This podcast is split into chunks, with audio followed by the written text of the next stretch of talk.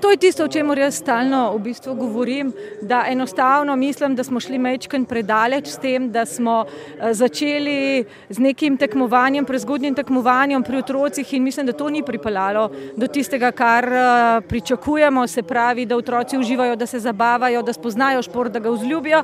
Potem, ko so pa enkrat eh, razviti, ko se enkrat pač odločijo, da bojo tekmovali, da bojo tekmovalci, da bojo mogoče vrhunski športniki, potem se pa začne z resnim športom športom. In mislim, da bo mogla naša množica, mi vsi, ki smo v tem, ki poznamo te stvari, mogoče malo. Uh, delati na tem, da bodo otroci spet uživali v športu. Še tole je vprašanje, kaj pa potem res to prezgodnje potiskanje v tekmovalnost, v specializacijo lahko povzroči pri otroku? Uh, jaz mislim, da predvsem na začetku, glede na to, da otroci še niso uh, vsi tekmoval, tekmovalni, da se to razvija z leti starostjo, z načinom dela, ki ga spoznavajo. Uh, mislim, da to več, naredimo več kode kot koristi. Se pravi, tukaj so pod stresom že tako, vemo, da naša družba danes samo tekmuje in da posod moraš biti najboljši.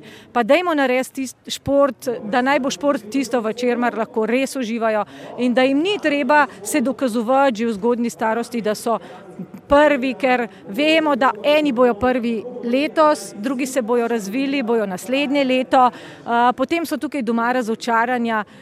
Moram še enkrat poudarjati, še enkrat res starše spodbujam k temu, da pustijo otroke, da uživajo v športu, da ne tekmujejo in da spoznajo. Tisti, ki pa bojo vrhunski športniki, se bojo pa za to odločili sami, brez njihovih, brez njihovih pritiskov.